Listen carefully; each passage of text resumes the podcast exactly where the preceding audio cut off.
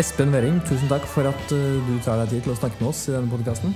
Vi tenkte først å snakke litt om uh, deg personlig, og så gå mer over til det faglige. Uh, Henrik, du er jo også med oss her i dag. Tusen Hei. takk for at du tar deg tid. Takk for at jeg får være med nok en gang. Så da hopper vi egentlig rett i det. Espen, jeg tenker å spørre deg, når du var rundt 20 år gammel, hvordan ville du beskrevet deg selv da? Det var vel en uh, ung, optimistisk sjel som uh, var uh, mest opptatt av å drive med idrett. idrett ja. akkurat da var jeg alpinist på nærmest fulltid og var i Forsvaret på en sånn idrettstropp der. Samtidig? samtidig, ja. Yes. Jeg hadde en veldig behagelig og enkel og morsom militærtid. Uh, og Det var rett før man skulle begynne å studere. Og så uh, var jo egentlig valg mellom å fullføre Eller planen om å, om å gå på et scholarship i USA. Mm. Som var litt sånn av det man kunne få ut av å ha drevet med alpint i så mange år. Og så ble jeg vel egentlig da det underliggende ønsket om å, å, bli jurist. det var egentlig det som slo igjennom. så da i siste liten så ombestemte jeg og ble, ble i Norge. Mm. Og, og, studerte jus. Så du var, du var, egentlig helt bestemt på at du skulle bli advokat fra ganske tidlig alder? Jeg tror jeg, jeg, tror jeg har nevnt uh, tilbake sånn i 13-årsalderen at uh, det var det jeg var keen på å bli. Mm. Eh, og så tror jeg den lå skjult ganske lenge. Ja. før den liksom kom opp igjen. da var på en måte valgets kval sto rett foran meg, og jeg måtte finne ut hvilken retning jeg skulle gå. Mm. Eh, og da var det rett og slett eh, det jeg var mest interessert i eh, å drive med. Så da tenkte jeg at ok, da går vi for det. Ja. Hva var det med dette yrket som virket spennende? Nei, jeg syns det, eh, det å hva skal jeg si, kunne forsvare noen, argumentere et synspunkt være med på en måte i en veldig viktig del av samfunnets funksjoner. Mm. Det var vel egentlig det som var utgangspunktet. Spennende i arbeidshverdag, rett og slett. Mm. Eh, og et område hvor du kunne si, lære hele tiden. Så det var vel egentlig det som trigget meg. Mm. Jeg har alltid vært glad i å argumentere og ja. diskutere. Hvordan vil du beskrive studietida? For det, det sies jo at man må være glad i å lese når man skal bli jurist. Det, det er helt riktig. Lange dager. Ja, eh, det var det jo definitivt eh, fra tid til annen. Det var jo eh, om å gjøre å gjøre det bra, sånn at man mm. kom seg videre der man ville. Så det er klart at det var, det var en god del å lese. Og, men, men ja, det, det, var jo litt sånn hvordan man også styrte litt selv i forhold til man, hvordan man tilnærmet seg studieteknikk og andre ting. Men definitivt var det en del å gjøre. Mm. Det er veldig konkurranseprega. Altså, både studiene og, og, ute i jobb så må man vel kanskje være litt Man, man skal vinne, liksom? Jo da, absolutt. Eh, men det tror jeg si, eh, Det blir, blir noen år siden jeg var, eh, var, gikk på jussen. Mm. Eh, jeg tror det er nesten enda mer sånn i dag. Ja, eh, Får man B, så er ikke det greit nok. Da tar man opp, og så skal man ha A for å komme inn i Thommessen, f.eks. Ja da. Eh, det er klart det er, eh, det er jo et trangt nåløye. Mm. Eh, så det er det. Men, men, du merker jo også på en måte den generasjonen som kommer nå, hvor ja, hvordan folk står på på videregående og så videre. Det er, det er en litt annen ballgame enn da jeg holdt på. Mm. Mm. Heldigvis. Yes. Men den, når du hadde drevet med alpint og toppidrett i så mange år, hvordan vil du, måtte, hva kom godt med etter å ha drevet med, med det? For de er jo toppidrettsutøver. Da må du jo legge inn timene da også? Ja da, absolutt. Jeg tror det hjalp godt med. At du var vant til å sette deg et mål og vite at du måtte legge noe innsats inn for å, for å nå det målet. Så det tror jeg var en veldig viktig erfaring å ha med seg. Da, en læring. Hva med teknologi? Du spesialiserer deg på teknologi. Jeg har sett du har mange utmerkelser eh, som eh, advokat innenfor teknologi. Men når, når var det, det den interessen meldte seg? Det var vel egentlig i løpet av studiet, merkelig nok. Eh, jeg har for så vidt alltid vært nysgjerrig på teknologi, men, eh, men aldri sånn eh, fremtredende. Og at jeg skulle, det var ikke sånn at jeg vurderte om jeg skulle bli utvikler eller advokat. Eh, og det var litt tilfeldig, egentlig. Det var eh, veldig mye obligatoriske fag på, på jussen. Eh, og da jeg var midtveis på tredje avdeling, så hadde vi da, kunne vi velge ett valgfag. Og da var det et valgfag som het informasjonsrett. Og det var da kombinasjonen opphavsrett i software og IT-kontrakter. Dette var da i 1998, tror jeg.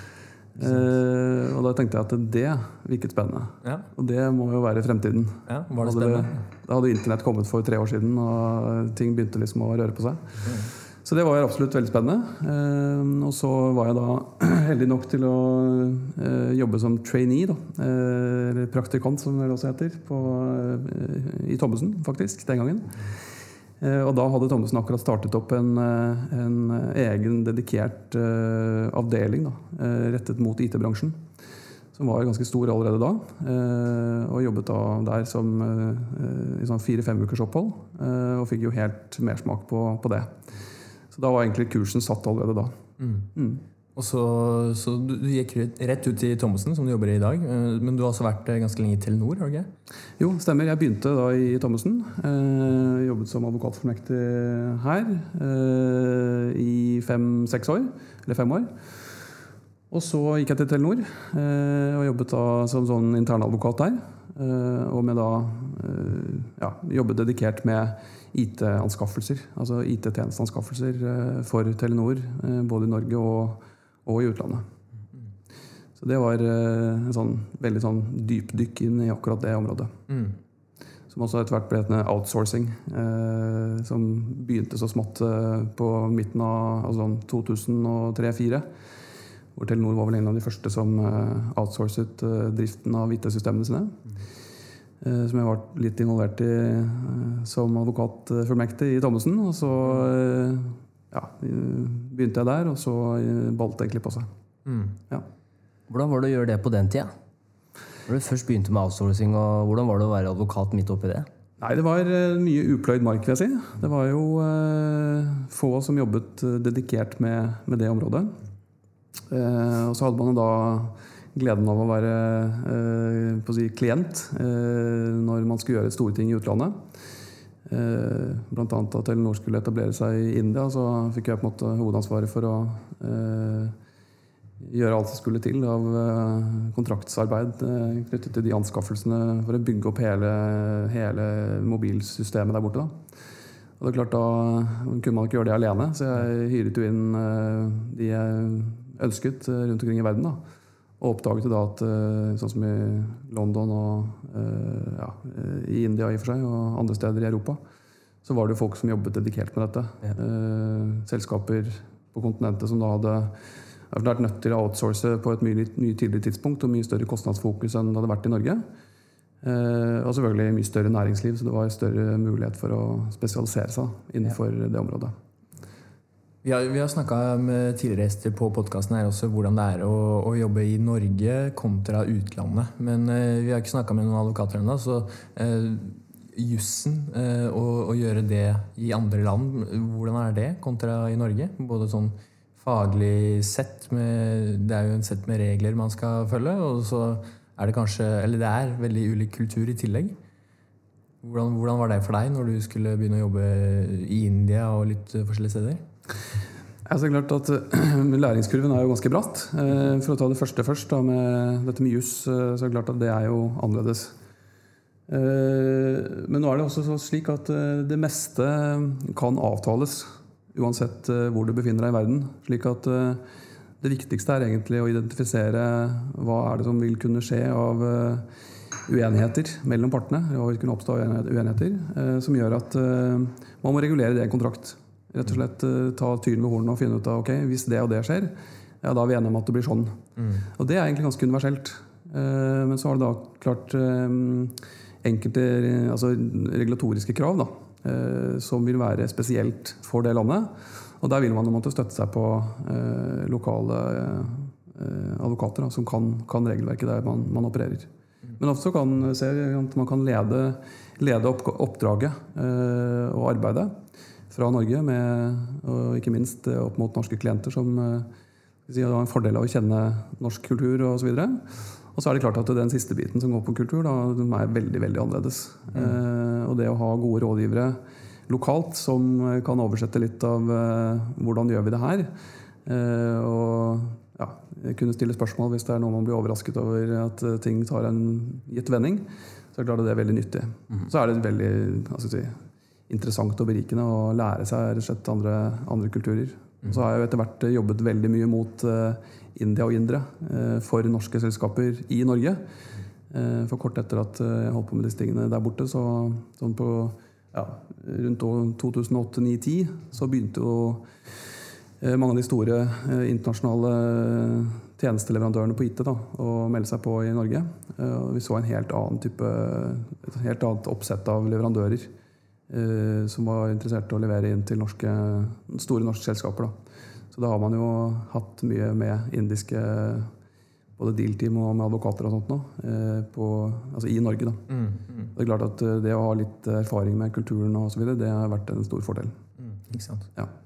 Og jeg som jeg nevnte tidligere, jeg har sett at du har en rekke utmerkelser, spesielt innen altså, krysningen juss og teknologi. Hva er det du tror er, har vært viktigst? For at, øh, altså, det virker som om du er eh, den beste i bransjen på akkurat dette. Øh, Hva, hvordan er det du har jobba med det for å, for å bli så god? Jeg tror det handler om eh, litt flaks. Eh, at, man, eh, altså, at jeg oppdaget eh, teknologi og juss som et kombinasjon, en kombinasjon tidlig. Så man har jo sånn sett eh, drevet med det i veldig mange år. Eh, og det var ikke så mange som drev med det, Nei, eh, så det var litt lettere, kanskje. Eh, og så tror jeg nok at jeg har vært ganske sånn bevisst på fra, fra dag én da, hvordan man kan drive med dette som advokat i et stort advokatfirma. Som gjør at man må prøve å si, jobbe de store tingene, de litt komplekse tingene. Og min vei til Telenor var jo litt si, motivert ut fra det. da, Å virkelig jobbe med de største tingene. Og Det er klart at det er jo et litt sånt uh, lerret å bleke. da, og, og rett og slett eh, få den erfaringen som skal til da, for å kunne håndtere disse store, komplekse tingene, eller prosjektene. Eh, Så jeg tror at eh, det at jeg var tidlig ute og spesialiserte meg og dedikerte meg liksom til eh, disse tingene, var, eh, var nok, eh, har nok vært medvirkende til det. Og at man har gjort kanskje ting som har vært litt, eh, litt utenfor boksen da, i forhold til hva man har gjort ellers eh, i Norge. Mm. tror jeg kanskje er litt av grunnen. Ja. Noe av grunnen til at eh, jeg syns det var veldig interessant å intervjue deg, og spesielt med tanke på bakgrunnen, men eh, jeg husker, for å dra en liten historie fra, fra studiene Jeg har riktignok studert eh, økonomi og ikke juss, men vi hadde noe jusfag der.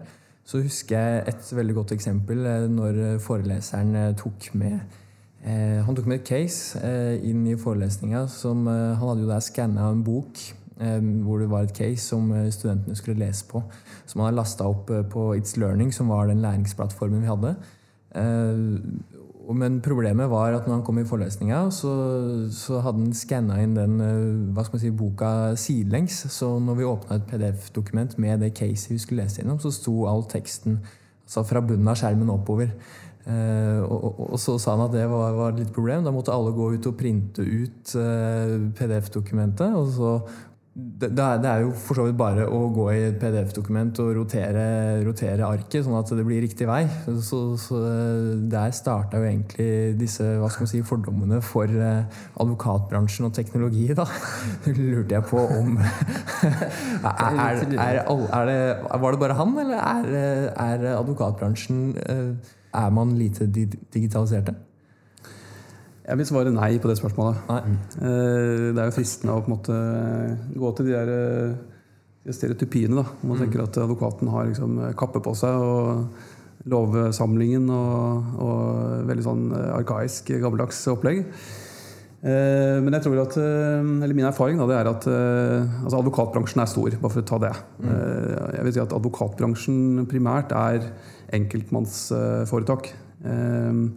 Og det er klart at enkeltmannsforetak er jo helt avhengig av teknologi i sin si, enkle form. da.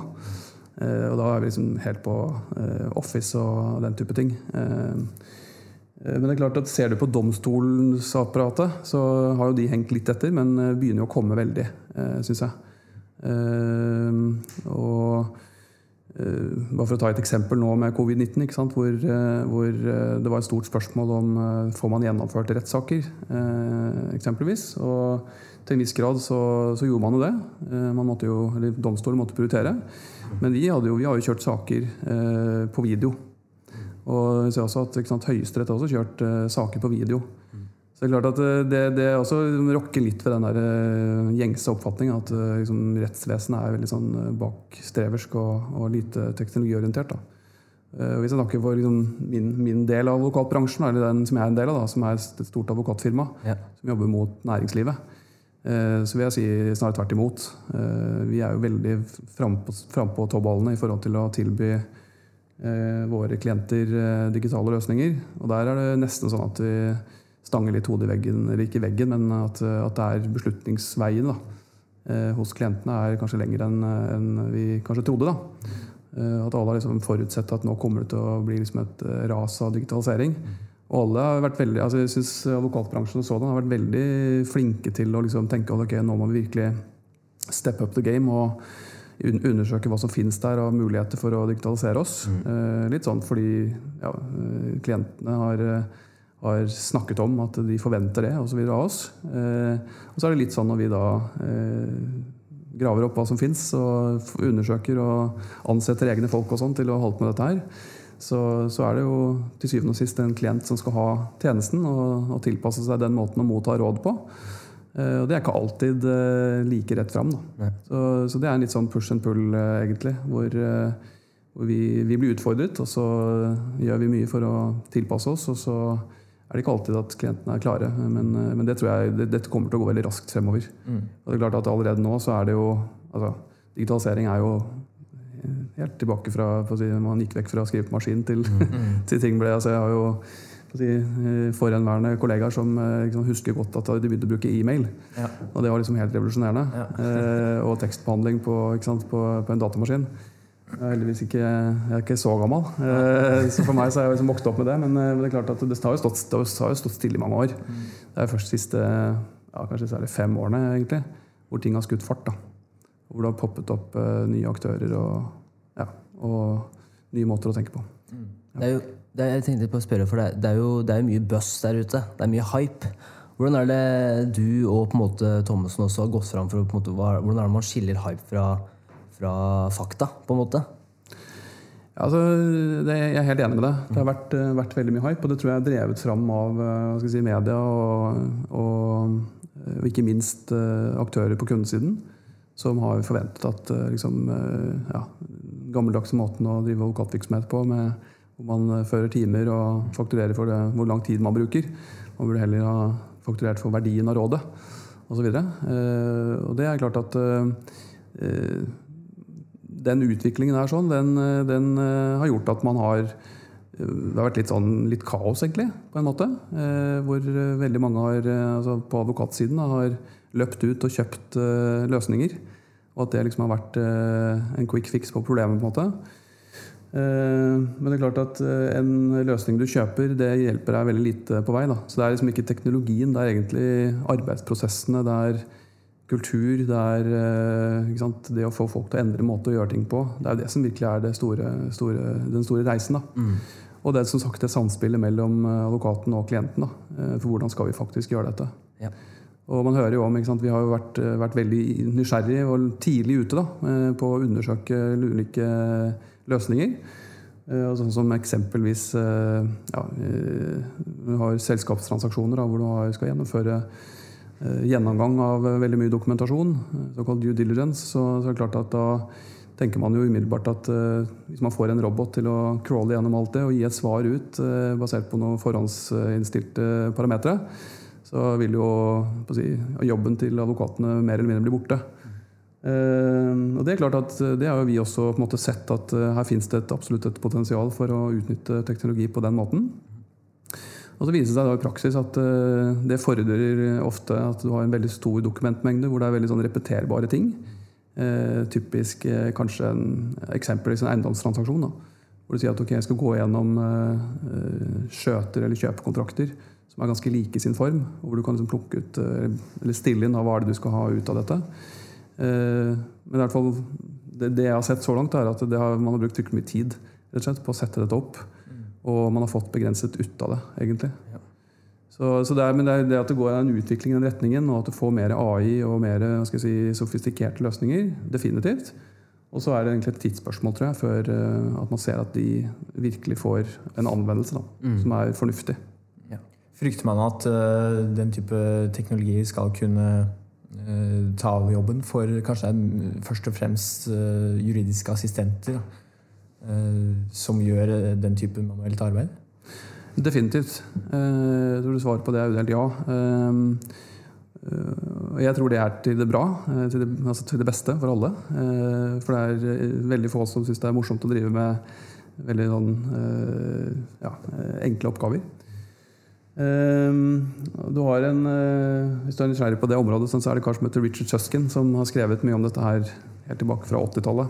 Eh, og liksom han har vel bøker som heter 'The End of Lawyers' og 'The Future Lawyer'. og sånt. Rett på sak. Ja, ja, ja. Og bare sånn Kort oppsummert, da, det som er på en måte hans uh, hypotese, da, det er at uh, måten man driver advokatvirksomhet på, tradisjonelt, hvor man liksom har gjort alt fra A til Å, uh, den kommer nok til å bli borte, og er på en måte på, langt på vei allerede borte. Eh, så la oss si at du deler inn et, eh, et juridisk behov, da, eller behov for advokattjenester fra A til Å.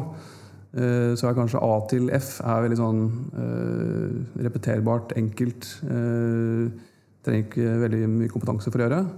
De tingene vil man typisk automatisere. Og det har man gjort allerede, i form av at du har tekstbehandlingssystemer og du har ja, andre typer verktøy da, for å lette en manuell prosess. Mm. Uh, og så har du da si, lettere oppgaver uh, innenfor en uh, portefølje av forskjellige altså, oppgaver som man trenger juridisk bistand til. eksempelvis en privatperson da, som har behov for en husleiekontrakt eller en, bil, altså en bruktbilavtale. Det, den type si, gratis tilgjengelige ting fins jo allerede. Mm. Eh, så jeg tror at eh, man får en veldig sånn eh, Man skiller ut kanskje de enklere tingene. Og så tror jeg nok at advokaten fortsatt kommer til å ha en rolle i forhold til å tolke eh, juss, eh, i forhold til å allmenne juss på et faktum. Eh, og så må man heller ikke glemme at en advokat er ikke bare på en måte en jurist. vi er også en rådgiver som skal løse et problem. Og hvor vi bruker jussen som et verktøy blant mange ting. Mm. Og de andre tingene er erfaring, eh, forståelse av kommersielle forhold, klientens interesser, motpartens interesser. Få til en løsning. Det, det, det, tror jeg er sånne softe faktorer som man i hvert fall ikke ennå ja. klarer å erstatte fullt ut da, med, med AI. Mm. Så ja, En oppstartsbedrift som jeg har notert meg for, er Lobotics Som da, etter det jeg har forstått, de, de automatiserer en del sånne prosesser som du akkurat snakket om. Eh, enkle kontrakter og sånt noe, og, og gjør det veldig mye enklere. Eh, og den type tjenester og bedrifter, eh, hvordan jobber dere med de? Eventuelt om de da konkurrerer med altså deler av deres tjeneste? Hvordan ser dere på den type nye oppstartsbedrifter innen det som kalles legal tech? da? Mm. definitivt så er de spillere som jo kommer opp, og som jeg er nysgjerrig på, som, som alle andre min, eh, min oppfatning av det så langt da, det er at eh, de har en, absolutt en veldig viktig misjon i forhold til å som du er inne på, eh, løse ting som kan løses litt enklere. Altså har du et veldig sånn konkret behov, så kan du da bruke et verktøy for å få ut en kontrakt som er kanskje litt bedre enn det du fikk eh, hvis du logget deg inn på naf.no og fikk ut en sånn eh, eh, kjøp av bruktbilkontrakt. Hvor egentlig det er bare et enkelt dokument hvor du skal fylle ut noe, noe greier. Det vi jo da typisk ser, at du kan liksom automatisere det i større grad. At du kan stille spørsmål. Hva skal du kjøpe, hvordan skal du gjøre det, eh, hvordan skal oppgjøret skje, osv. Basert på svarene dine så kommer det på en måte ut en kontrakt som er mer tilpasset. da. Uh, og det er klart at uh, den type uh, automatisering, digitalisering, det, det, ser vi jo veldig utbredt allerede. Altså, vi jobber jo med det selv. Vi har jo, altså, for, å, for å forenkle og, og, effektivisere vår egen arbeidshverdag, så, så har vi veldig mye av den type materiale hos oss. og som vi også tilbyr til våre klienter. Så det er klart at det jeg ser fremover, for, for meg fremover, at Eh, klienter som har behov for den type altså ulike dokumenter, eh, avhengig av om du jobber med låne, et lånespørsmål eller med en restrukturering eller et oppkjøp. Eh, at man da kan selge si, kunnskapen vår på en litt annen måte. I hvert fall sånn first shot på, på en del ting. På en, hva skal jeg si, en annen type forretningsmodell. Da. En annen prismodell enn, enn vi har i dag. Ja. Ja, så, Men store advokatfirmaer som f.eks. Thommessen har jo ressurser til å utvikle den type løsninger selv. Kanskje kjøpe opp denne type oppstartsbedrifter. Er det noe dere jobber med? Å kunne utvikle dette selv for å tilby det til kunder? Altså vi, vi, utvikler mye selv, eh, som er eh, dels skreddersydd til enkeltklienter. Og det begynner ofte der. Eh, at noen har et behov, og så setter vi, setter vi i gang. Og så øh, jobber vi jo da med løsninger som kan, kan skalere. Definitivt. Så, men jeg tror kanskje at vi, vi henvender oss muligens til litt andre, litt forskjellig kundegrupper eh, enn de tradisjonelle eller ikke tradisjonelle, men eh, de, de oppstartsselskapene vi har sett i, sett i, markedet en stund. Da. Mm. I hvert fall det jeg har sett så langt. Så de vi typisk eh, samarbeider med, da, det er jo selskaper som leverer typisk eh, løsning sånn som eh, dokumentautomasjon. Mm. Hvor de leverer en, et verktøy for å, å lage den, eksempelvis en kontrakt. Men hvor vi da putter vår kunnskap inn i forhold til hva slags spørsmål skal vi stille, hva slags klausuler kommer ut i den andre enden. Eh, det vil jo være fortsatt uh, ting vi, vi, vil, hvor vi vil bruke vår, vår, kunnskap og vår kompetanse på å uh, ha en, en, konkurransefordel i markedet. Mm. Du nevnte også tidligere uh, ved en due diligence, hvor man skal hente masse informasjon fra selskaper. At man kan crawle, altså bruke roboter eller maskiner til å, å hente masse informasjon. og så tenker jeg ved, ved en rettssak eller før eh, dere tar, eh, tar, et case med en eh, klient, så vil man jo også kunne ha masse data på kanskje lignende caser fra før av, hvis man ser på historien. Vil datamaskiner og maskinlæring kunne hente inn informasjon på samme måte? Hente inn informasjon om rettssaker og fra parter og fra altså tidligere rettssaker, og kunne liksom forutse utfallet av en rettssak bedre enn en advokat? Eh, absolutt. Jeg tror svaret er ja. Eh, og jeg tror som det er på, som på alle andre områder, så kommer det an på hva slags type sak det er. Hvis du har eh, en sakstype da, som, eh, hvor det er liksom, en gjenganger, eh, mm. hvis man kan kalle det det, eh, uten at jeg kan tråkke noen på tærne, så hvis man f.eks. tenker seg et, et byggeprosjekt, da, mm. hvor man typisk har en entreprenør og en, en, en utbygger som da eh, blir uenige om eh, noe skulle vært levert og har blitt levert, og når det skulle vært levert, eh, så blir det ofte en sånn diskusjon om veldig mange enkeltposter. Og hvor jeg tror at du kan mate inn ganske mye data fra tidligere caser. Og hvordan det har blitt vurdert da, av, av rettsapparatet. Og hvor man da, tror jeg, vil kunne bruke et sånt type verktøy for å gjøre en, en, en foreløpig vurdering, eller en, en første vurdering av hvor man står. Hvor, hvor, hva er sannsynligheten for at man vil kunne vinne fram med kravene sine? Eh, altså Hvor mange av kravene tror man vil kunne vinne fram med, og, og hva tror man liksom, beløpsmessig dette vil kunne, kunne gi.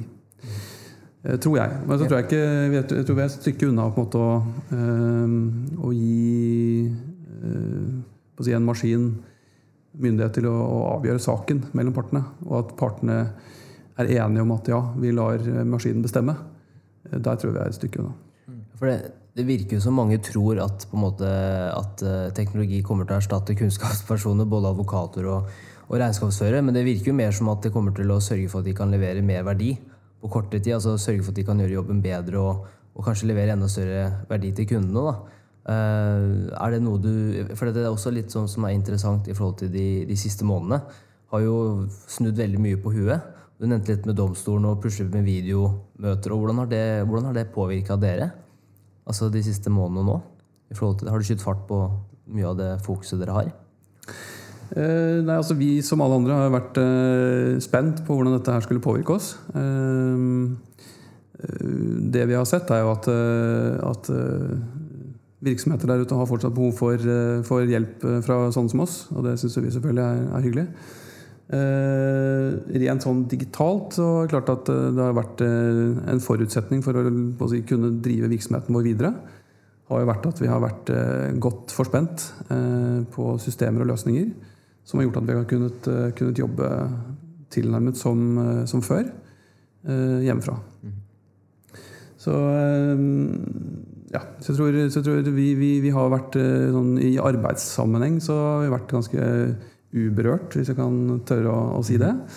Uh, og så er det klart at uh, i forhold til altså i samhandlingen med klienter og med domstolene, så definitivt vært helt annerledes. Uh, jeg nevnte det eksempelet med domstolen, hvor man har kjørt videomøter eh, med klienter. Så, altså for, for første gang så har jeg kjørt en full forhandling.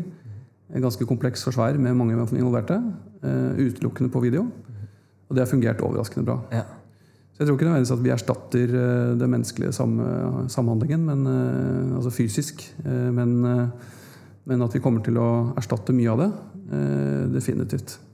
En ting jeg, Et case jeg har tenkt på, eller et scenario hvor Har dere vært borti noen caser hvor ikke et menneske som har begått noe lovbrudd, eller det, det kan være vanskelig å, å påpeke hvem som har gjort det, fordi det er kanskje en datamaskin? Da, eh, at det skjedde feil et eller annet sted. Eh, Den type utfordring. Har dere vært borti noe av det? Ja, det er klart det er jo litt sånn eh, si, åpent spørsmål. da, si, Er det datamaskin eller er det menneske? Mm. definitivt er vi si, stadig borti problemstillinger hvor datamaskiner datamaskinen har gjort noe. Eh, eh, eksempelvis med hacking-angrep, hvor man har en, eh, en eh, datamaskin eller et program som, eh, som er faktisk den som utfører eh, hackingen. Ja, det, er- det er sånn man ser på det, selv om det er en person som sitter bak og har laga noe malware eller noe sånt. Nå. Og Der kommer disse problemstillingene opp. eh, fordi eh, altså, I hvert fall så langt da, så, så har man ikke tillagt datamaskiner en eh, rettslig handleevne eller, eh, eller eh, plikt. Eh, man hadde eksempelvis et, eh, et case i april, en dom i USA, om et, om at man søkte patent for en oppfinnelse som var utført av en maskin. Og det sa da US Patent Office nei til. Fordi man måtte ha en inventor, og det var forutsatt å være et menneske.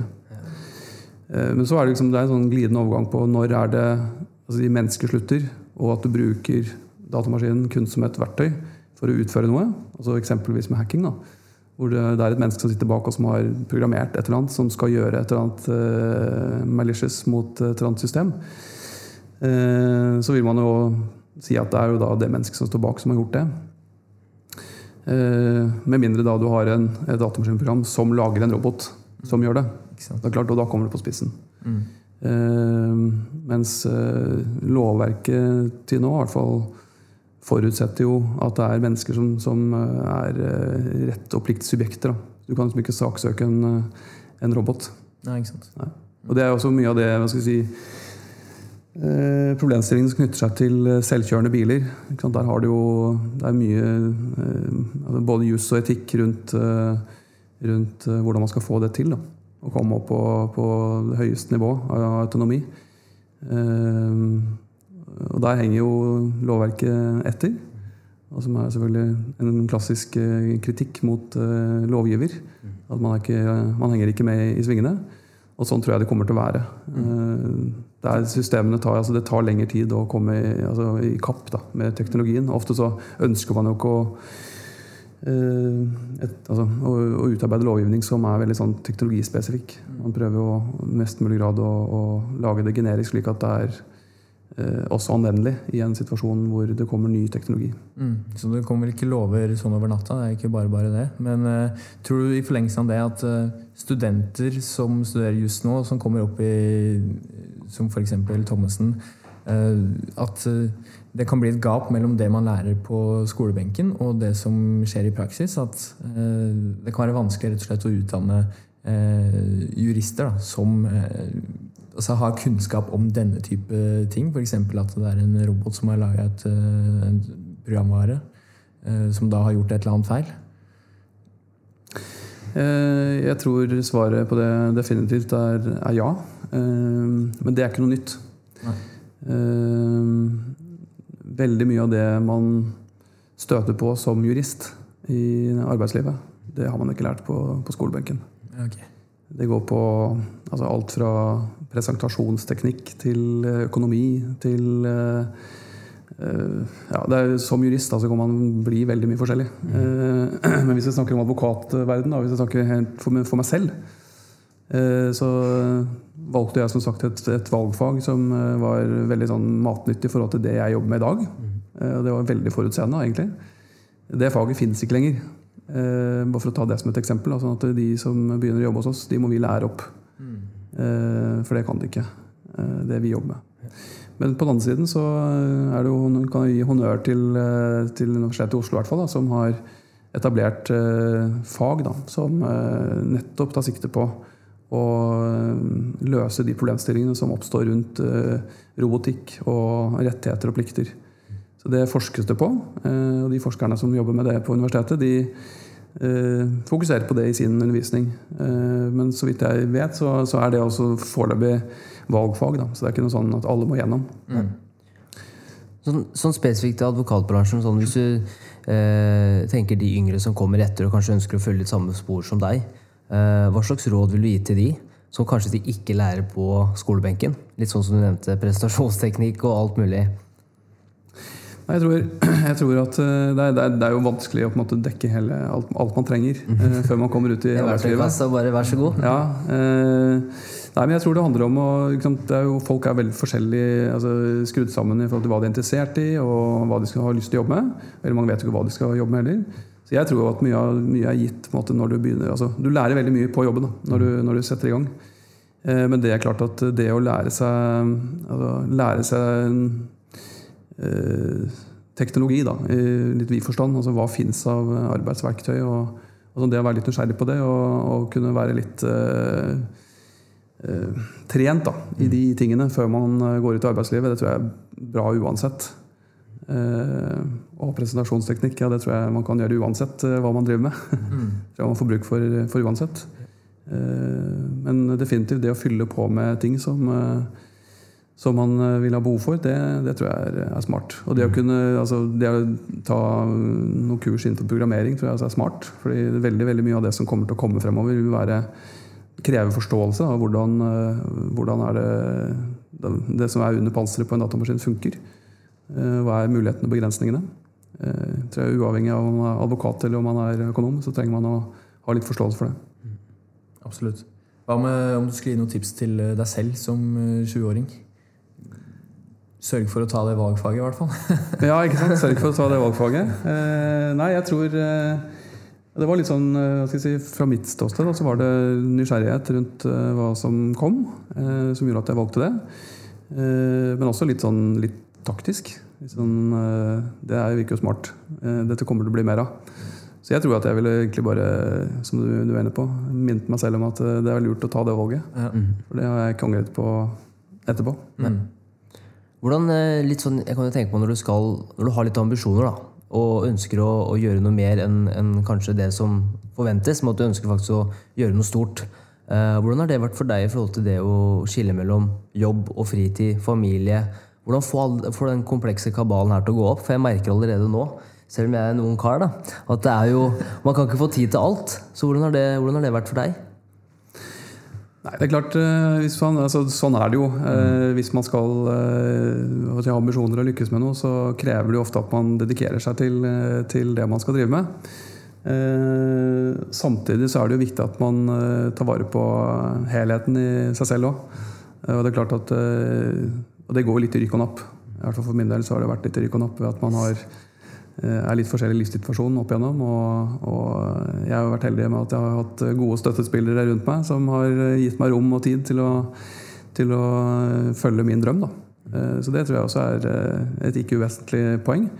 Og så tror jeg at i dag så er det kanskje litt lettere enn da jeg begynte.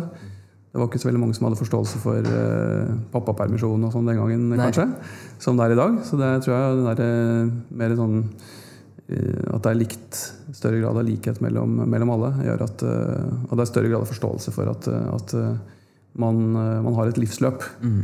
Og det livsløpet det må man legge til rette for å få ja. til. Så jeg tror det at det, tipset er at man må, selv om man veldig, blir veldig ivrig, at man må ta vare på helheten da, mm. og ha litt, litt, andre ting ved siden av. Det er, også, det er viktig i forhold til å kunne gjøre en god jobb også, tror jeg. Ja. Dels i forhold til at man er eh, sharp og ready, og at man eh, får litt andre impulser. Mm. Hvor er det du henter energi fra? Eller hva gjør du for å koble av? Du, eh, godt spørsmål. Jeg eh, må jo ærlig innrømme at jeg bruker mye tid eh, på jobben min. Eh, så jeg har ikke så veldig mm, mye tid utenom. Men den bruker jeg jo da stort sett eh, med familie og venner. Eh, og først, først og fremst familie. Eh, så jeg har, hatt, jeg har to sønner som jeg har fulgt opp med alpint, selvfølgelig.